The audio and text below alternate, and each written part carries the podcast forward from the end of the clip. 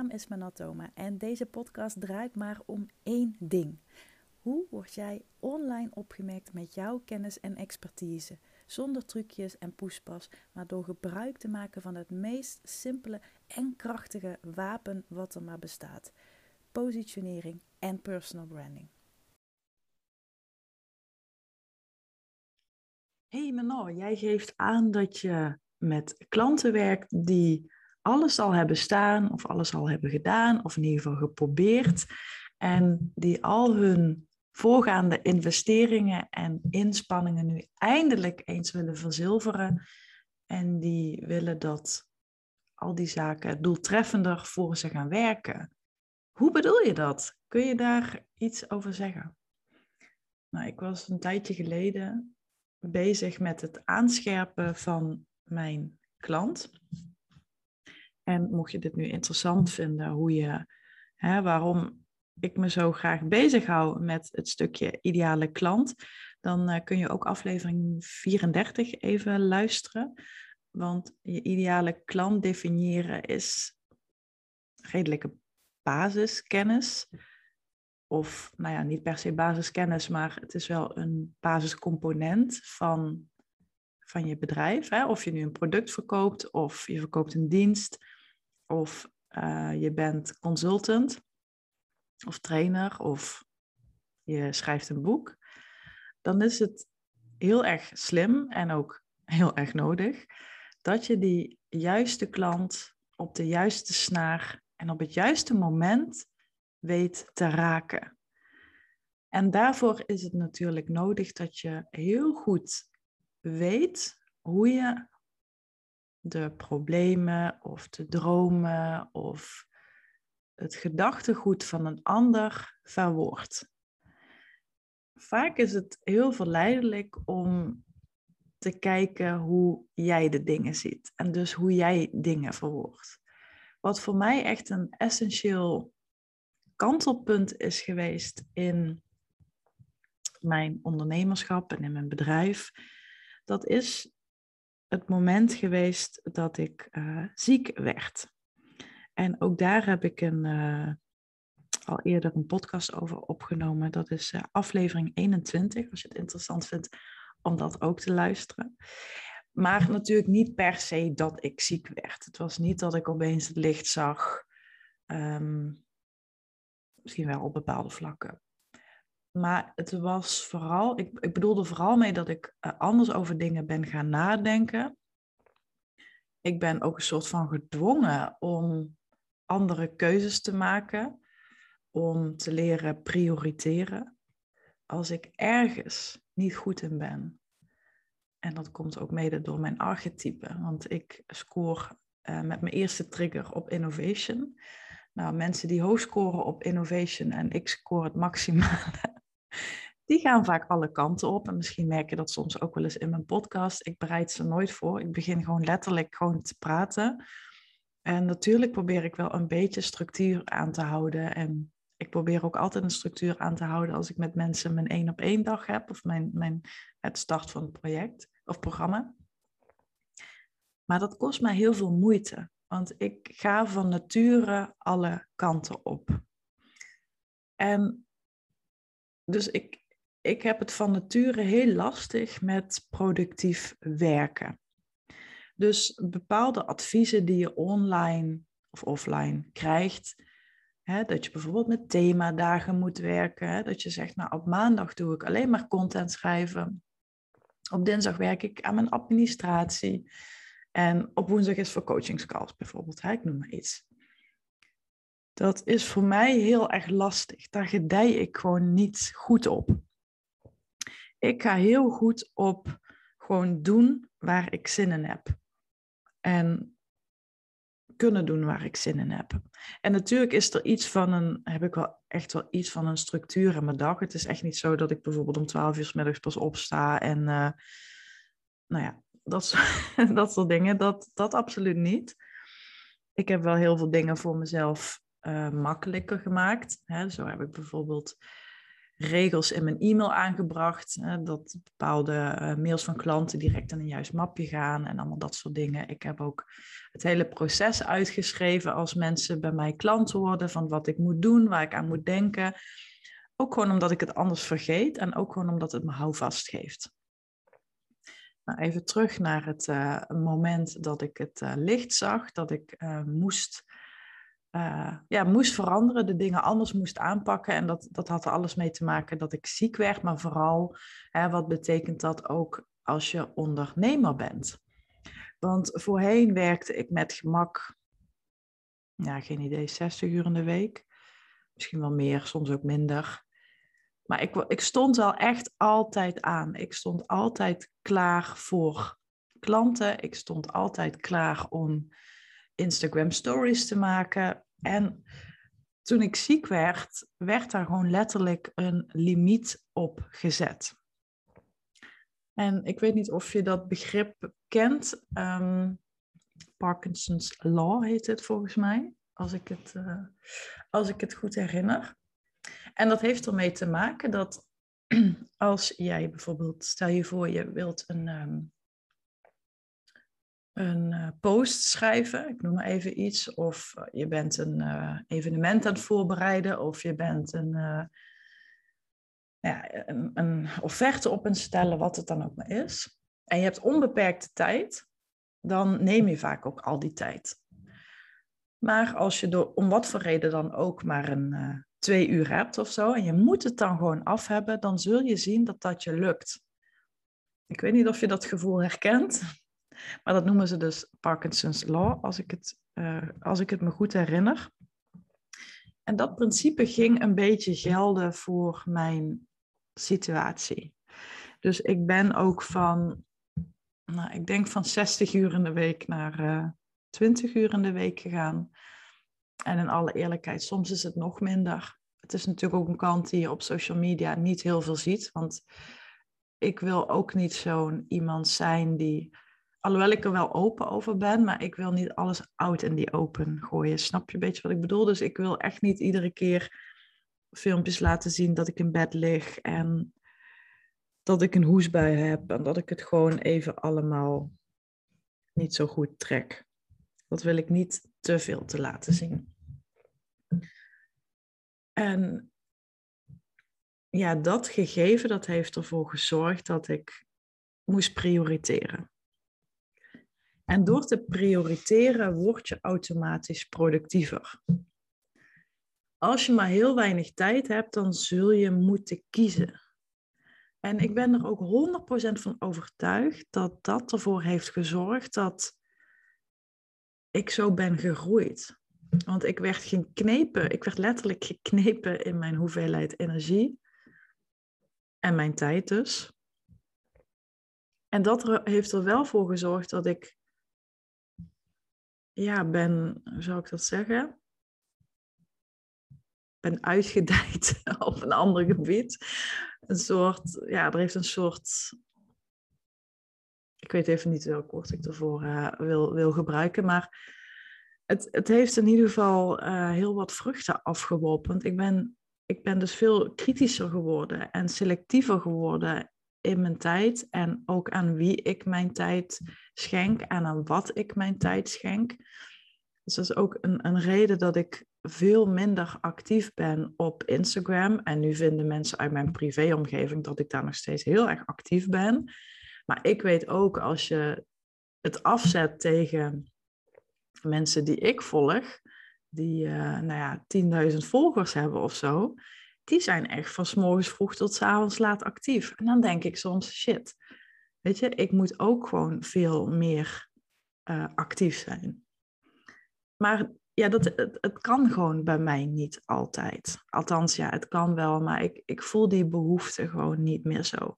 Ik heb een keer gekeken op mijn telefoon destijds hoeveel uh, tijd ik aanwezig was op, uh, in dat geval Instagram. Nou, en ik vond dat echt schrikbarend. En, en dan was het voor mij nog iets van, volgens mij was het een uur en, en 17 minuten of zo op een dag. En ik las toen een post van mensen die echt drie uur, vier uur, sommigen zelfs nog meer op dat kanaal zitten. En toen dacht ik echt, holy shit. En toen ben, ben ik die tijd eens gaan optellen. Wat is het per dag? Wat is het per week? Wat is het per maand? Wat is het op een jaar? En wat is het op een mensenleven? En nu snap ik ook natuurlijk wel dat social media en je telefoon erbij hoort. Daar ontkom je gewoon niet meer aan. Maar tel dat voor jezelf eens uit. En wees dan ook eens echt heel kritisch. Als je een beetje dat Parkinson's Law in, in, in acht neemt. Ehm, of het wel echt nodig is dat je zoveel online bent. Is het wel echt, draagt het wel echt bij? Is het, is het echt een aanvulling wat je deelt? Of is het opvulling? En met opvulling bedoel ik, ja, het is gewoon online zijn om het online zijn. Nou, in ieder geval, dit soort dingen hebben er allemaal mee te maken gehad dat ik ziek werd en dat ik dus moest kiezen. En dat ik gewoon niet meer alles en iedereen wilde volgen. En dat had ook helemaal niks ermee te maken dat ik iemand niet aardig vond of geen interesse in ze had of ehm, dat ik ze niet wilde volgen omdat ze zakelijk deden of nee, dat had er gewoon helemaal niks mee te maken. Het, het was echt een keuze puur vanuit mezelf ik ga hier goed op. Dit is voor mij prioriteit. En de rest kon me eerlijk gezegd ehm, ja, een rotzorg, ja, kon me echt een rotzorg zijn. als je met dit soort dingen te maken hebt, met ziekte, en dan heb ik het niet over dat je even, nou weet ik veel, even hoofdpijn hebt of, uh, of keelpijn. Of, uh, en, en dat is natuurlijk ook hartstikke vervelend, begrijp me niet verkeerd, maar als je met, met gezondheid te maken krijgt op zo'n niveau wat gewoon geen kattenpis is, dan vergt dat heel veel van je. En dan zul je dus aan knoppen moeten draaien. En jij bent waarschijnlijk uh, ja, niet ziek, misschien ook wel. En misschien is dat ook wel de reden dat je bij mij terecht bent gekomen. Maar ook als je niet ziek bent. Ik geloof er nu heel erg in dat, dat dit me wel die lessen heeft gegeven die ik nu ook aan andere mensen doorgeef. Want het is een soort, ehm, wat ik laatst van iemand terugkreeg, was iets in de zin van, jij raakt me nu echt op een dieper niveau. En heel veel mensen met wie ik heb gewerkt houden het heel zakelijk, heel oppervlakkig zijn heel erg op strategieën en op tactieken en ze gaan heel snel. Maar bij jou voel ik eindelijk helderheid in dat wat ik doe. Je weet het op zo'n manier te vertalen dat het bij mij echt letterlijk klikt. En dat is ook exact wat ik wil bereiken. Dus als jij, ik stel die vraag wel vaker, misschien heb ik hem de podcast ook wel eens gesteld, van als jij maar vier uur per dag zou kunnen werken. Wat zou je dan stopzetten en waar zou je meer van gaan doen? Dus als je vier uur per dag zou hebben, beschikbaar zou hebben, wat zou je dan laten vallen en waar zou je meer van gaan doen? Die wil ik dat je echt even pakt, want dat zorgt ervoor dat je heel erg naar de kern gaat. Essentialisme is ook zoiets waar ik enorm van heb uh, geleerd. En essentialisme is een stroming die al, volgens mij, afstand uit, uit de Griekse oudheid. Uit, uh, volgens mij is het van een of andere filosoof, ik weet even zijn naam niet, excuse me. maar dat is echt al zo, zo oud als de straat. En het staat er letterlijk voor meer door minder te doen. Minder doen, maar wel beter doen. Dus het gaat echt om kiezen focussen. Essentialisme is daarin voor mij echt een, ehm, ook door mijn ziekte, echt wel een, een kantelpunt geweest. En nu denk je misschien, ja, Jezus, waar gaat het heen met deze podcast? Maar dat essentialisme, ziek zijn, minder tijd hebben, dat heeft er ook voor gezorgd dat ik ben gaan nadenken, oké, hoe kan ik de dingen beter doen? hoe kan ik minder gaan doen, maar dat wat ik doe wel veel beter gaan doen? Meer effect door minder te doen. En dat heeft me de afgelopen drie jaar bezig gehouden en dat blijft me ook bezighouden. Ik, ik maak er eigenlijk een kunst van om eh, de dingen op een, uh, op een zo lui mogelijke manier te doen, wil ik haast zeggen. Nu is lui, lui natuurlijk wel een heel negatief woord, maar ik denk dat je wel een beetje kan pakken wat ik zeg. Want ik heb dus niet zoveel op met bijvoorbeeld de 4-hour workweek. Um, dat kan voor veel mensen ook een inspiratiebron zijn, denk ik. Maar als ik maar vier uur in de week zou mogen werken, dan, dan zou ik denk ik ziek worden van verdriet. Want ik hou zo van ja, dat wat ik doe. Ik vind het zo leuk om een podcast op te nemen. Ik vond het zo leuk om daar weer berichtjes over te krijgen. Ik vind het zo leuk om met klanten samen te werken en te zien welke stappen ze zetten. En ik hou er gewoon heel erg van om mezelf te ontwikkelen. Mezelf blijven ontwikkelen en ontplooien is ook echt een, uh, ja, echt iets wat mij heel erg drijft en uh, waar ik altijd mee bezig ben. En hoe ik kan leren. En of dat nu bij een coach is, of, bij een, uh, of via een boek, of via een programma, of, of via een inspirerende ondernemer waar ik dan een traject bij volg. Dat maakt niet zoveel uit, maar blijven ontwikkelen en blijven ontplooien is wel mijn ding. Maar dan wel echt die diepte in. Niet de breedte in, maar de diepte in. Dus hoe kun je beter worden door minder aan te bieden? Hoe kan je effect vergroot worden door te verkleinen waar je allemaal mee bezig bent?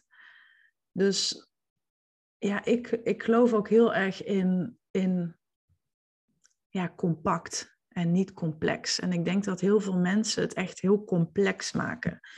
En dat herken ik ook zo goed, want ik was zelf ook zo iemand. Dus vaak ben je heel erg bezig met, nou, ik, ik wil uh, een online programma maken, ik wil events gaan organiseren, ik wil iets met Facebook adverteren doen, ik wil een boek schrijven, um, ik heb allerlei workshops, um, ik heb verschillende type klanten. Um, ik vind heel veel dingen leuk. Het zijn allemaal van die, van die vragen die ik dan hoor en die ik ook gewoon heel erg herken bij mezelf. Maar ik weet, als je wilt excelleren, zul je moeten elimineren.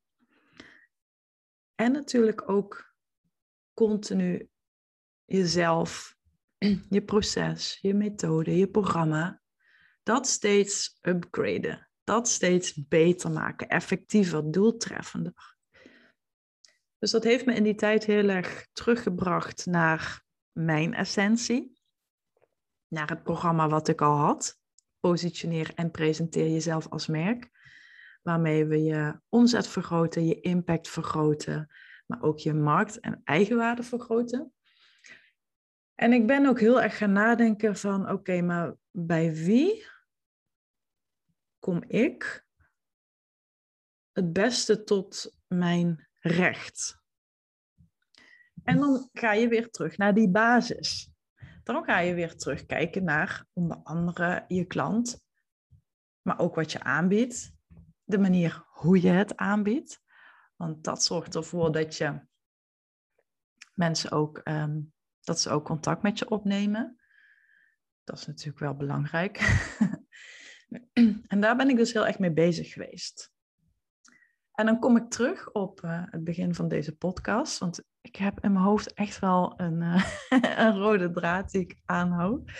Van hè, wat maakt dat je je nu bent gaan richten op mensen die alles al hebben staan, die de hele online tak hebben staan, die al een aanbod hebben, die al klanten hebben, soms zelfs een heel divers aanbod en ook een heel divers uh, klantsegment, die, die gewoon al heel veel dingen hebben opgebouwd en ontwikkeld.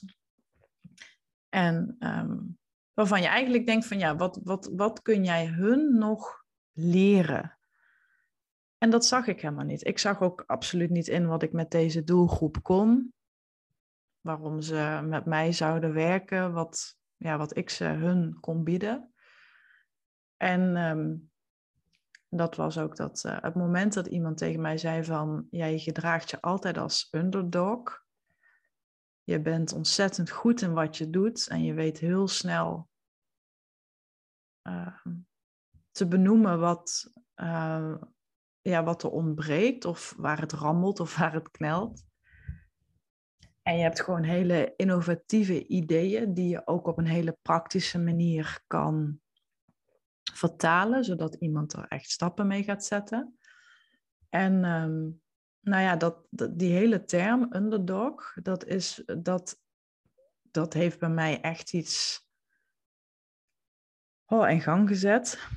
En ehm, ook dit was trouwens in de tijd dat ik uh, echt, echt heel, uh, me heel slecht voelde.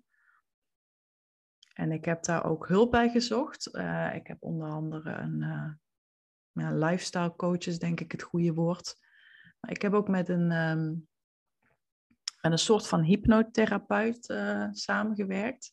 Het is niet de standaard hypnotherapeuten zoals je ze kent, maar ik ga er misschien ook nog een, uh, een podcast over opnemen, wat dat voor mij heeft betekend. Maar in ieder geval, zij benoemde dat. En um, toen dacht ik, ja, dat is eigenlijk wel zo. Want ik had best vaak klanten waarvan ik dacht van, ja, wat, wat doe je bij mij? Vaak hadden ze dan echt uh, een omzet waarvan ik dacht van, holy smokes, ik kon daar alleen maar van dromen. Maar onderaan de streep zagen ze ja, hun gezin amper, zagen ze de buitenlucht amper, waren ze heel erg onrustig in hun hoofd, vaak heel chaotisch, sprongen ze van de hak op de tak. En dat vrat natuurlijk ook qua, stress en aan de relatie. En, uh, en, en wat ze dan teruggaven is van, ja, ik vind het zo inspirerend dat, ja, ondanks waar jij mee te kampen hebt, dat je ja, je, je bedrijf en, en, en alles wat je doet op zo'n manier doet, dat ja, ik, ik kan niet anders dan dat ik gewoon met jou iets wil doen. En dan wisten ze vaak nog niet eens wat, wat ze dan gingen doen. Maar er was dus iets in mijn energie en in mijn boodschap en wat ik deelde, waar juist dit type klant heel erg van aanging. En een andere klant die benoemde het laatst heel mooi. En um, ik ging dan wel echt een beetje van naast mijn schoenen lopen. Heel eerlijk.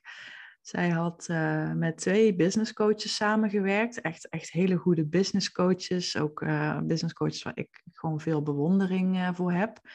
En zij had er echt van alles mee uitgedacht en uitgestippeld. En hè, heel erg dat strategische stuk.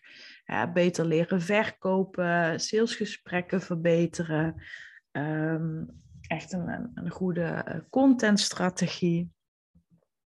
Maar ze zeiden van, er is gewoon een missing link. En, uh, ik, ik kan, en, en ik kan het gewoon allemaal, ik weet het heel goed in mijn hoofd, maar ik weet het niet zo goed te benoemen. En uh, zij zei van, ja, ik vind jouw teksten er altijd gewoon um, ja, heel erg uitspringen.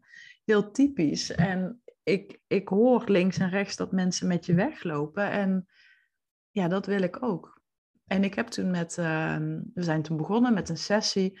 En toen zei ze letterlijk, ik heb nu binnen 40 minuten antwoorden die scherp zijn, die zo kraakhelder zijn.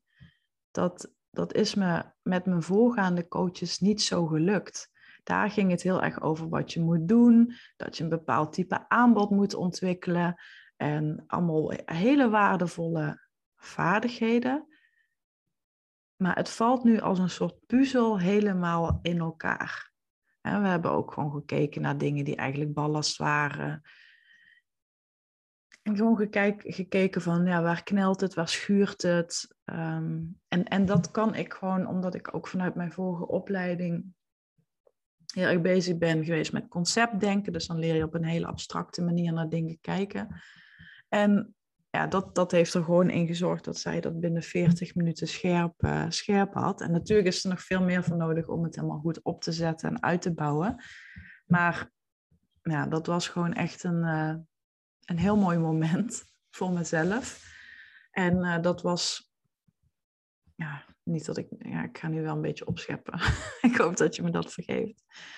Maar dat was wel het moment dat ik dacht van, hmm, het is tijd dat ik die underdog in mezelf schop ga geven, de deur wijs. En ja, begrijp me niet verkeerd. Ik denk dat het een hele mooie eigenschap is om bescheiden te zijn. Maar het moet ook niet zo bescheiden zijn dat, ja, nou ja, dat mensen je helemaal gewoon niet weten te vinden. En, het, en de grap is natuurlijk, en zo gaat het natuurlijk altijd, je leert andere mensen datgene wat je zelf ook moet horen. En dat was voor mij uh, nog een aha-momentje, want ik voelde me in die tijd gewoon uh, ja, niet goed genoeg.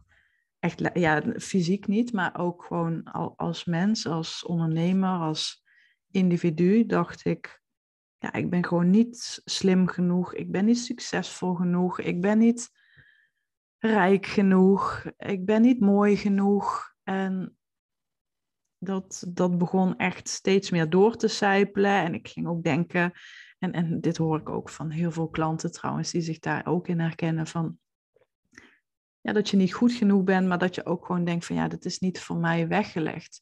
Het is voor al die anderen wel weggelegd, maar niet voor mij. Wat, wat dat dan ook voor jou maar is. Hè? Dat kan van alles zijn. Dat kan zijn tot een, tot een hele fijne relatie, tot een, uh, een, een, hele warme um, band met klanten, tot aan een bepaald omzetdoel, tot aan gezien en gehoord uh, worden door, door anderen of door mensen in je privéomgeving. En dat, dat ligt ook heel vaak aan ten grondslag dat klanten mij zeggen, en wat ik ook eigenlijk wel in mezelf herken, dat je altijd het gevoel hebt dat je anders bent of zo. Dat je altijd denkt van, ja, als ik naar anderen kijk, dan, uh, dan snap ik wel dat ze succesvol zijn of mooi zijn of, of wat het dan ook maar is. Hè? Maar voor mij geldt dat niet op, want, want ik ben anders en ik voel me gewoon anders. En daardoor vind ik het gewoon heel lastig om ja, me te verwoorden en mezelf uit te drukken op een manier dat mensen mij horen, dat mensen mij zien en dat ze zich begrepen voelen. Dus ik weet niet of dit iets is waar jij ook mee, mee worstelt. Misschien uh, in bepaalde mate. En uh, nou, bij mij was het dus echt wel een, uh, een big deal. En nou, wat ik al zei, ik heb daar hulp voor gezocht. En um, ik ga er wel een andere podcast over opnemen, over dat stuk. Maar dat heeft mij echt wel vanuit die underdog-positie um, geleerd van, ja, ik ben gewoon, ik ben gewoon rete goed in wat ik doe. En het wordt tijd dat ik dat ook zelf gewoon veel meer ga omarmen en veel meer ga ja, voelen, gewoon veel meer ga leven. En uh, zeker in een wereld waarin wij leven, die zo maakbaar is, die zo um, ja, die constant aanstaat en waar alles in een, in een split second heel anders kan zijn. In een wereld waar iedereen wel zichzelf tot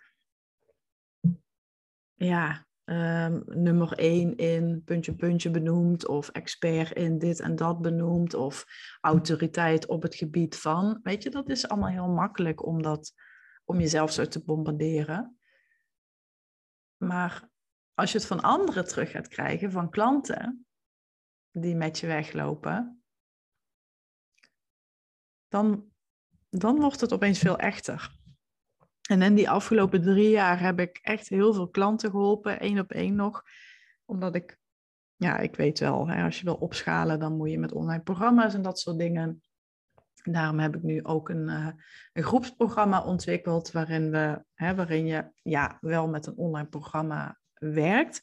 Wat ik wel ook volledig heb laten ontwikkelen door, uh, nou, door opleidingskundigen en e-learning deskundigen. Maar er zit wel ook live QA momenten bij, omdat ik het nog steeds heel belangrijk vind dat ik echt contact heb met de mensen die ik help en dat daar geen grote afstand uh, in zit. Nou, in ieder geval dat, dat hele stuk uh, underdog, dat heeft mij heel erg geleerd dat ik uh, nou ja, dat ik dus wel op een bepaalde manier word ontvangen en gezien. En dat heeft mij er toen, doet toen leiden dat ik opnieuw kritisch ben gaan kijken naar mijn eigen basiscomponent. In dit geval het stukje klant of het stukje niche, hoe je het ook, uh, hoe je het ook wil noemen. Uh, je ideale klant is natuurlijk echt het segment waar je op gaat richten. En je niche is niet hetzelfde als ideale klant. Dat denken mensen vaak, maar dat gaat er meer om van hè, wat doe je precies? Hoe doe je dat dan? En voor wie doe je dat dan? Dus het is een soort driehoeks verhouding. En um, Nou, daar ben ik dus heel erg mee bezig geweest. En toen dacht ik op een gegeven moment van, ja, weet je, ik heb nu niet één klant en niet twee klanten, maar ik had er echt een stuk of vijf op een gegeven moment die aangaven, joh, ik heb eigenlijk al heel veel gedaan. Ik heb een online programma, ik heb een, een, een high-end uh, aanbod, hè, dat je klanten ook één op één helpt voor een hogere investering. Um, ik, ik ben op Instagram actief, ik doe van alles op LinkedIn. Maar ik, ik, ik mis een, een, een bepaald, bepaald stuk wat het echt, wat die scherpte erin legt. En dit is ook waarom ik dat essentialisme altijd aanhaal. Je doet vaak veel te veel.